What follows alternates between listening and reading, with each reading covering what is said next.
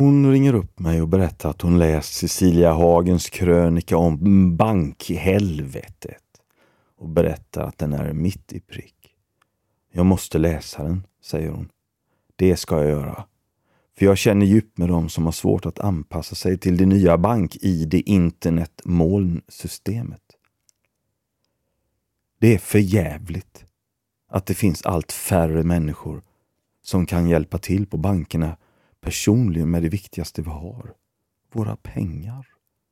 Har du inte BankID, en smart mobiltelefon eller internet utan kör på med en gammal telefon med sladd, då är du utanför. Plötsligt sa banken upp bekantskapen med mamma och gjorde slut. De tvångsskickade hem ett bankomatkort utan medgivande och drog ur proppen och försvann in i ett svart hål i sin tegelvägg. Jag brukade köra mamma till banken en gång i veckan så hon kunde hämta ut sina kontanter lugnt och fint som en liten del av en ritual innan en trevlig lunch. Vart tog bankmänniskorna vägen? Mamma tvingades direkt till att ha en intensiv bankomatkortskurs med mig som lärare. Visst finns en instinktiv motvilja mot att ta ett kort och stoppa in i en låda en vägg ute på gatan och trycka in en hemlig kod som ingen ska se och sen få ut kontanter som du lägger ner i din plånbok i väskan. Du får inte glömma kortet eller pengarna när du går därifrån. Du är naken, sårbar och blottad. För någon kan se din hemliga kod eller ta dina pengar. Bankomatkortsproceduren är högst personlig. Man vill inte bli störd.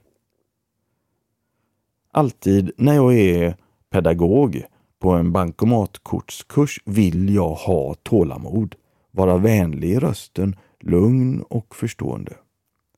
Jag försökte hålla tyst. Jag vet att det är lätt att göra fel. En liten extra nolla blir ödesdiger när man slår in summan till exempel. Ett okej okay eller nej vid fel tillfälle avbryter förloppet och du får börja om och kön bakom ryggen växer.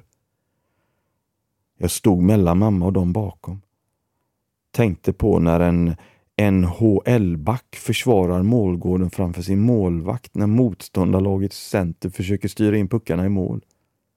Bilder poppar upp i huvudet när jag precis ska crosschecka motståndaren i ryggen innan jag dras tillbaka till verkligheten. Mamma klarade kursen galant till slut. Hon får femma i betyg av mig. Så duktig har hon varit.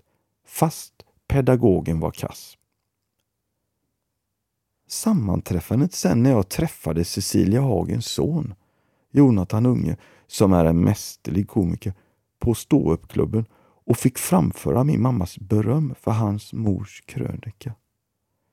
Då sluts cirklarna med värme i pirret som uppstår över motståndet som ändå finns mot bankernas nonchalans även om slaget redan är förlorat. thank you